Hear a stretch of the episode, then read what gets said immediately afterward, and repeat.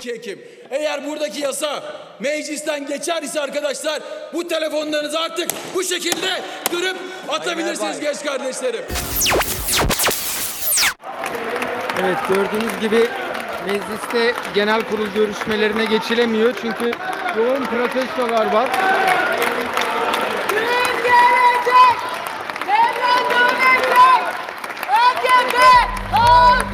Hesap verecek.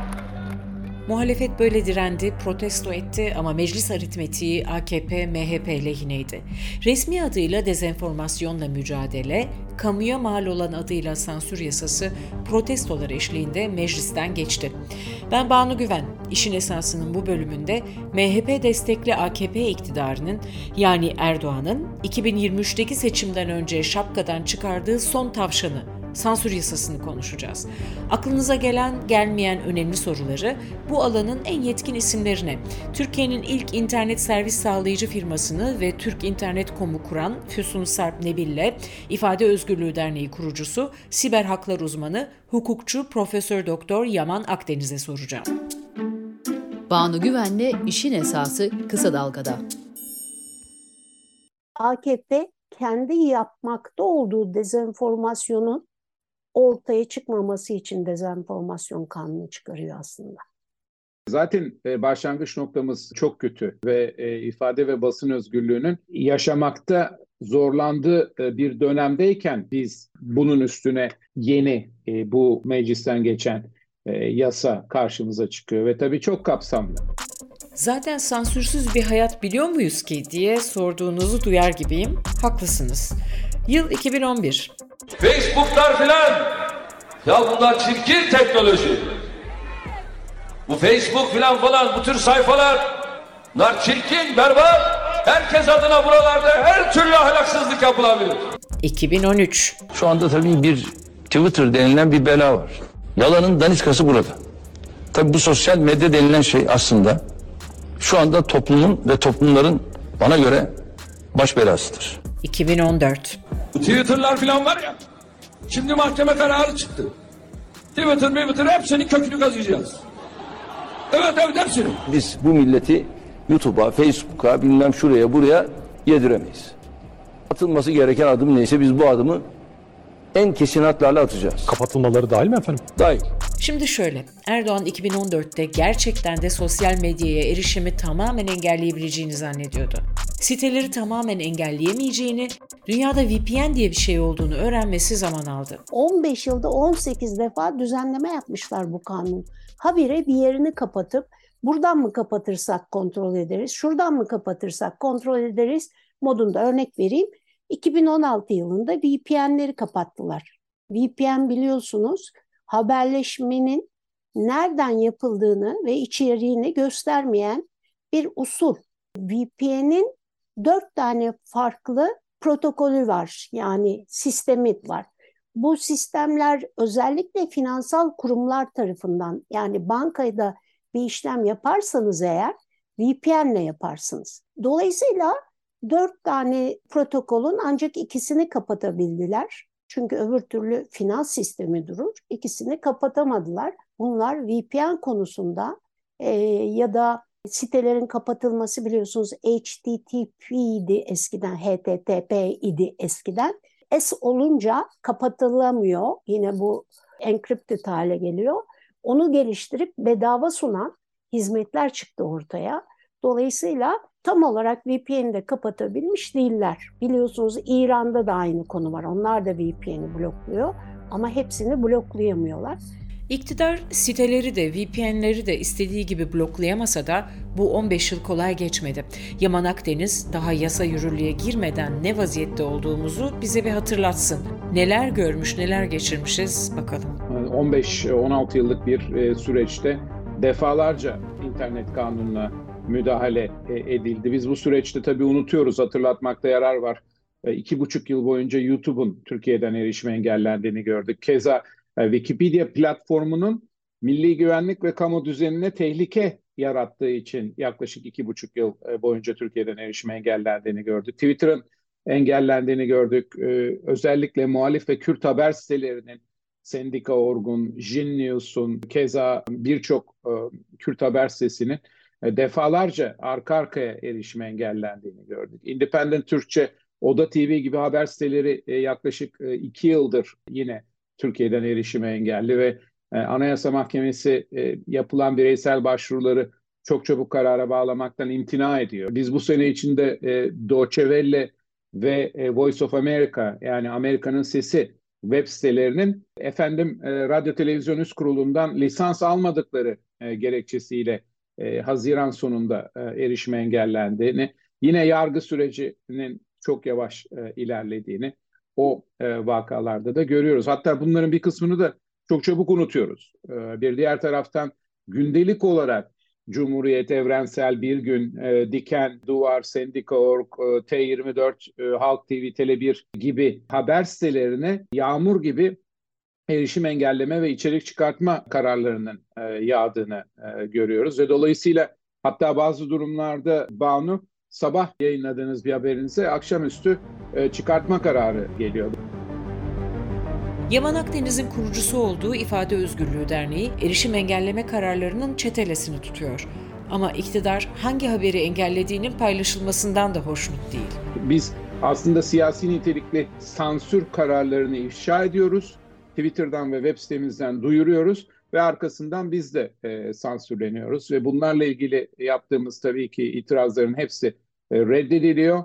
Anayasa Mahkemesi'ne yaptığımız e, başvurular ise beklemeye devam ediyor. Evet hayatımız hali hazırda sansürün etrafından dolanmakla geçiyor ama her şeyin üzerine bir de hapis cezası tehdidi gelince işte o zaman işin rengi iyice değişiyor. Yasanın 29. maddesi. Sırf halk arasında endişe, korku veya panik yaratmak sahikiyle ülkenin iç ve dış güvenliği, kamu düzeni ve genel sağlığı ile ilgili gerçeğe aykırı bir bilgiyi kamu barışını bozmaya elverişli şekilde alenen yayan kimse bir yıldan üç yıla kadar hapis cezası ile cezalandırılır. Yaman Akdeniz'e göre son derece muğlak tanımlarla dolu bu madde sansürün ötesinde otosansüre yol açacak. Sadece tabii ki basın da hedef alınmayacak. Yani sosyal medya kullanıcıları da e, bundan etkilenecek ve hatta tabii bunun e, bir e, korkutucu veya dondurucu etkisi olacağını da düşünüyorum. Yani otosansüre yol açacak insanlar hatta basın mensupları bir iddiada bulunurken veya bir e, yazı hazırlarlarken e, üç defa beş defa düşünmek zorunda kalacaklar. E, dolayısıyla bu tabii ifade ve basın özgürlüğü açısından e, çok sorunlu. Yani gerçeğe aykırı olmadığını olduğunu bir bilginin kim karar verecek? E, e, hakimlerimiz mi karar verecek? Savcılar mı karar verecek? Dolayısıyla zaten binlerce soruşturma ve yargılamanın yapıldığı bir ortamda yani özellikle Cumhurbaşkanı'na hakaret suçu olsun, kamu görevlilerine hakaret terör propagandası gibi suçların yanı sıra bir de bu halkı yanıltıcı bilgiyi alenen yayma suçu eklenecek e, listeye. Ve tabii e, bu suçun biz ağırlıklı olarak 2023 seçimlerine giden veya seçim dönemlerinde eğer Türk Ceza Kanunu'nda kalırsa bu suç e, seçim dönemlerinde ağırlıklı olarak kullanılacağını e, düşünüyorum. Füsun Sarp Nebil de enflasyon verilerinden sokak röportajlarına uzanması muhtemel bir sansür dalgasından söz ediyor zaten hedef e, muhtemelen tüm bu aksaklıkların yani enflasyon konusundaki problemlerin, çeşitli zam haberlerinin, bütün bu olumsuz gelişmelerin halk tarafından konuşulmaması için çıkarılıyor bu kanun. Sizin de bildiğiniz gibi son zamanlarda sokak röportajları çok fazla arttı. Yani sadece konuşanlar sosyal medyadaki bir takım muhalif insanlar değil. Halk konuşuyor. Halk geçinemiyor. Geçinemediğinde yüksek sesle söylüyor. Bazen bağıra bağıra söylüyor biliyorsunuz. Bir yağ olmuş yüz küsür ya. Çocuğuna fakir süt içiremiyor ya. Bak 6 liraya aldığım 3 litre kola 16 lira olmuş. Enflasyon diyorlar ki %70. Geçen sene 1.25 aldığım halk ekmek bu sene 3 lira olmuş. Dolayısıyla bu insanları susturmanın en kısa yolu nedir? Onlara hapis ya da para cezası korkusu, tehdidi vermektir. Yani şimdi bu kanun ne kadar uygulanabilir? Şu kadar uygulanabilir. Ben size söyleyeyim. Koskocaman bir halk var. Ben neredeyse yüzde 65, yüzde belki 70'e yakın bir muhalefet görüyorum şu anda. Bu kadar insanın susturmanız mümkün mü? Değil. Ama arada birkaç kişinin başı yanacak. Gözüken o. Birkaç kişiyi tutup korku salmak için e, hapis cezası verecekler ya da para cezası verecekler. Böylece susturmaya uğraşacaklar. Ama susturabileceklerini zannetmiyorum Banu Hanım. Neden? İnsanların canı yanıyor.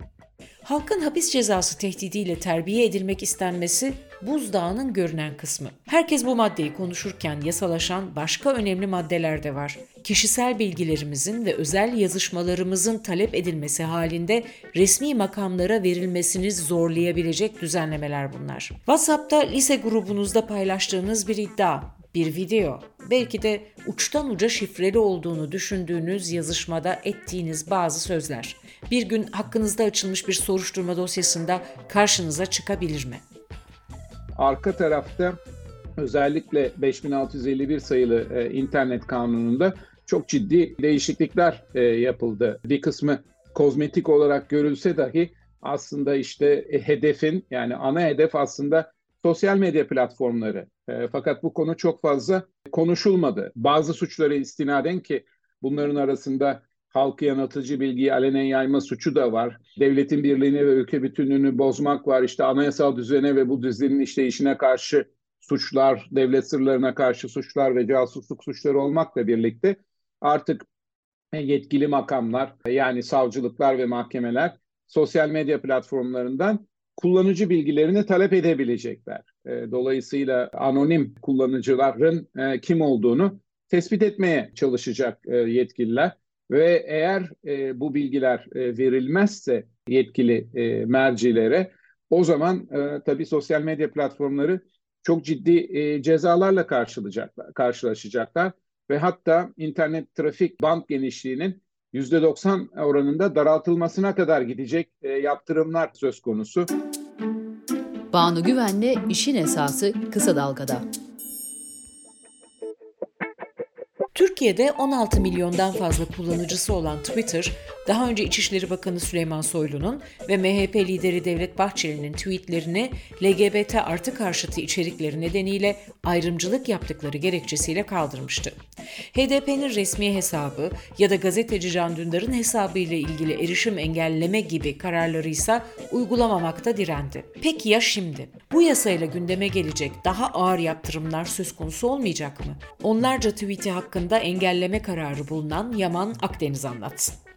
Eğer e, bu yeni süreçte bu kararları uygulamazlarsa işte reklam yasağı, ciddi para cezaları, yine e, internet e, trafik e, band genişliğinin daraltılması gibi e, daha ciddi yaptırımlarla e, karşılaşacaklar. Ve yaptırımlar e, bunlarda da sınırlı kalmıyor. Çünkü e, algoritmik bazı bilgileri de e, talep edecekler. Hatta işte talep edilen e, bazı bilgileri vermezlerse e, daha ciddi e, para cezaları, e, küresel cirolarının yüzde üçüne kadar idari para cezası e, geçiyor Banu e, bu e, yasada. Dolayısıyla e, çok farklı bir resimle karşı karşıya e, kalacak e, sosyal medya platformları. Tartışmalarda eksik kalan bir diğer konu da WhatsApp gibi haberleşme uygulamalarını teknik adıyla şebekeler üstü hizmet sağlayıcıları bekleyen yaptırımlar. Daha önce sosyal medya platformlarına getirilen Türkiye'de temsilci bulundurma zorunluluğu şimdi WhatsApp, Signal, Skype gibi uygulamalar için de geçerli. Üstelik bu kez öyle göstermelik temsilcilikle yetinmeyi düşünmüyor hükümet. Faaliyetleriniz varsa Türkiye'de yetkili e, temsilcileriniz olacak hatta limited şirket statüsünde tam yetki te, tam yetkili temsilcileriniz olacak diyor.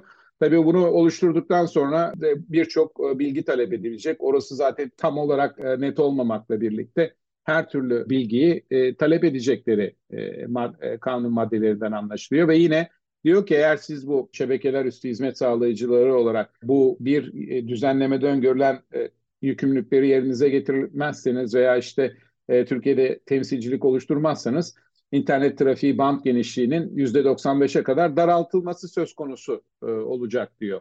Füsun Sarp Nebil, Türkiye'de en yaygın şekilde kullanılan uygulama olan WhatsApp'a güvenemeyenlerden. WhatsApp ne yapıyor biz göremiyoruz. Ee, ama ortadaki ortaya çıkan bazı şeyler şüphe uyandırıcı. Örneğin Naomi Klein gazeteci bir 2021'de bir yazı yayınladı ve dedi ki Hindistan'daki iklim aktivistleri gözaltına alındığında, dava açıldığında dava dosyalarında Zoom toplantı notları, WhatsApp görüşme notları görüldü. İklim aktivistinin konuştuğu kişi Greta Thunberg. Tamam mı? Yani bunu e, ya Greta Thunberg'in telefonundan, bilgisayarından ya bu iklim aktivistinin telefonundan, bilgisayarından alabilirsiniz. İkisi de değilmiş. Peki nereden alındı? Dolayısıyla burada bir soru işareti var ve WhatsApp bu konuda bir açıklama yapmış değil. Füsun Sarp Nebil WhatsApp'ta gönderdiğimiz videoların bir süreliğine sunucuda saklandığını da hatırlatıyor. Benzer şekilde videolar gönderiliyor ya, bunun içinde muhalif videolar da var biliyorsunuz. O videoları e, sistem açısından yani e, yer kaplama açısından sunucularında bir kere tutuyor. Yani 10 kere yollanmasın aynı video, 10 kere yer kaplamasın.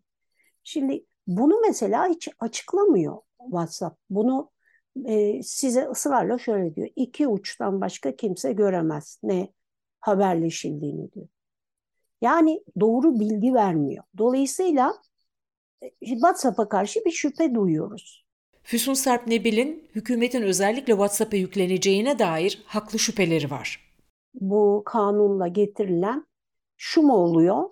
E, WhatsApp'tan Banu Hanım'la Füsun Nebil'in görüşmelerini bize verin denildiğinde verilecek mi? Çünkü içeride demin söyledim ya bu kanunla ilgili e, görüşmelere yakın birileriyle konuştum ben. Dediler ki bürokratlar birçok şeye itiraz etti. Buna rağmen ısrarla bu kanun çıkarıldı ve çıkarılırken WhatsApp konusu içeride çok geçti. Füsun Sarp Nebil, WhatsApp'ın report yani bildir özelliğine de dikkat çekiyor. Bu özellik şöyle işliyor. Diyelim ki yazıştığınız, irtibat kurduğunuz bir kimse sizi report tuşuna basarak şikayet ediyor. Kimsenin göremeyeceği iddia edilen yazışmanız kural ihlali var mı yok mu belirlensin diye uzmanlığı olmayan, daha önce başka başka işlerle meşgul olmuş, sonra belki kısa bir eğitimden geçen bir takım insanların önüne gidiyor. Yani birincisi kişisel veriler açısından yani siz şikayet et, ben şikayet ettim diyelim. Ben şikayet ettiğim için okey. Ama sizin izniniz yok. O konuşma kişisel bir veri. Sizin izniniz yok ve siz onu kapalı bir yerde yapmışsınız. Dolayısıyla kişisel veriler açısından da sorunlu ve bunun e, bu çocukların önüne gittiği gibi savcıların önüne de gitmeyeceğine dair bir garanti yok. Peki iktidar üzerinde baskı oluşturamayan sosyal medya kullanıcıları bu şirketler üzerinde baskı oluşturabilir mi? Siz Google'dan, Facebook'tan, WhatsApp'tan, Zoom'dan, Twitter'dan size nasıl davranmasını bekliyorsanız öyle davranmalısınız. WhatsApp'ın geçen yıl başı hatırlayın tuttu verilerinizi Facebook'a devredeceğim diye. Herkes bir anda Telegram'a, Signal'e falan geçmeye başlayınca o uygulamayı yapamadı. Bu çok önemli bir şey. Bu aslında bizim AKP'ye karşı da, iktidara karşı da yapmamız gereken toplu olarak bir şey. Bunların sermayesi biziz Banan. WhatsApp'ın sermayesi biziz. Twitter'ın biziz. Facebook'un biziz. Bak Facebook geçen sene ortaya çıkan bu kullanıcı verilerini kullanılmasına izin veriyorum, vermiyorum Apple'ın bir uygulamasıydı.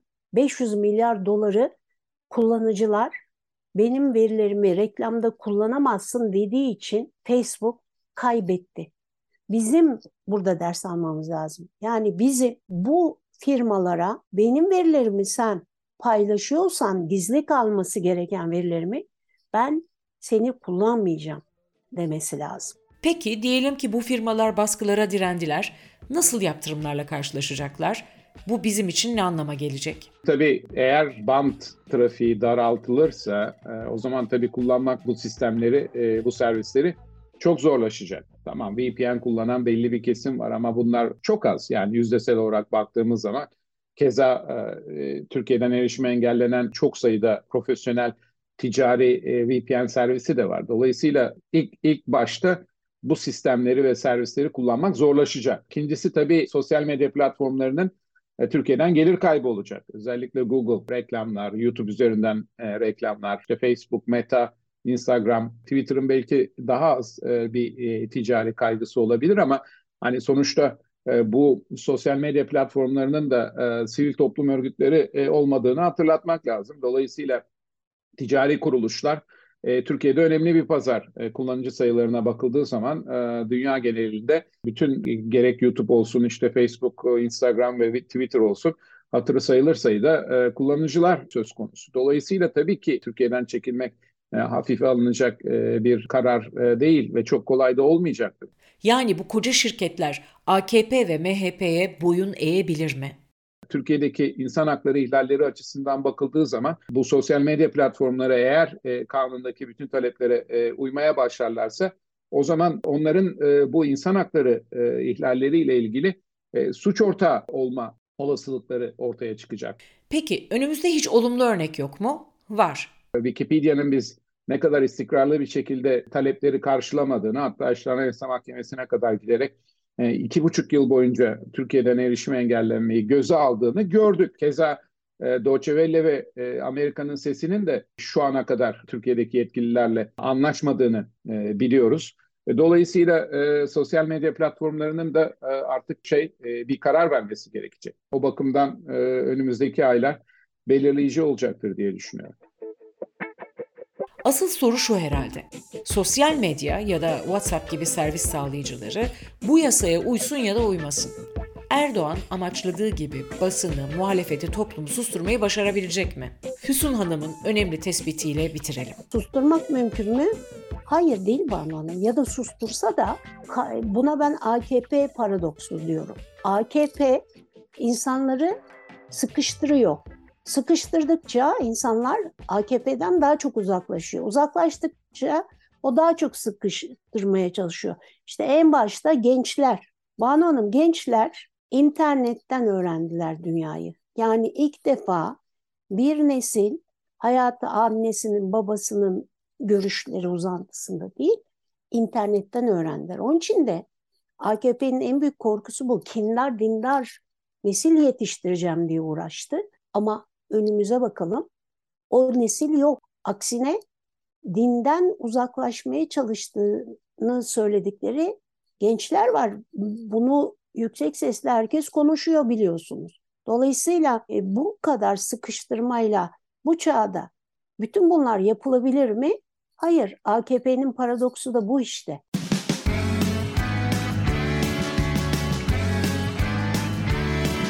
Kulağınız bizde olsun. Kısa Dalga Podcast.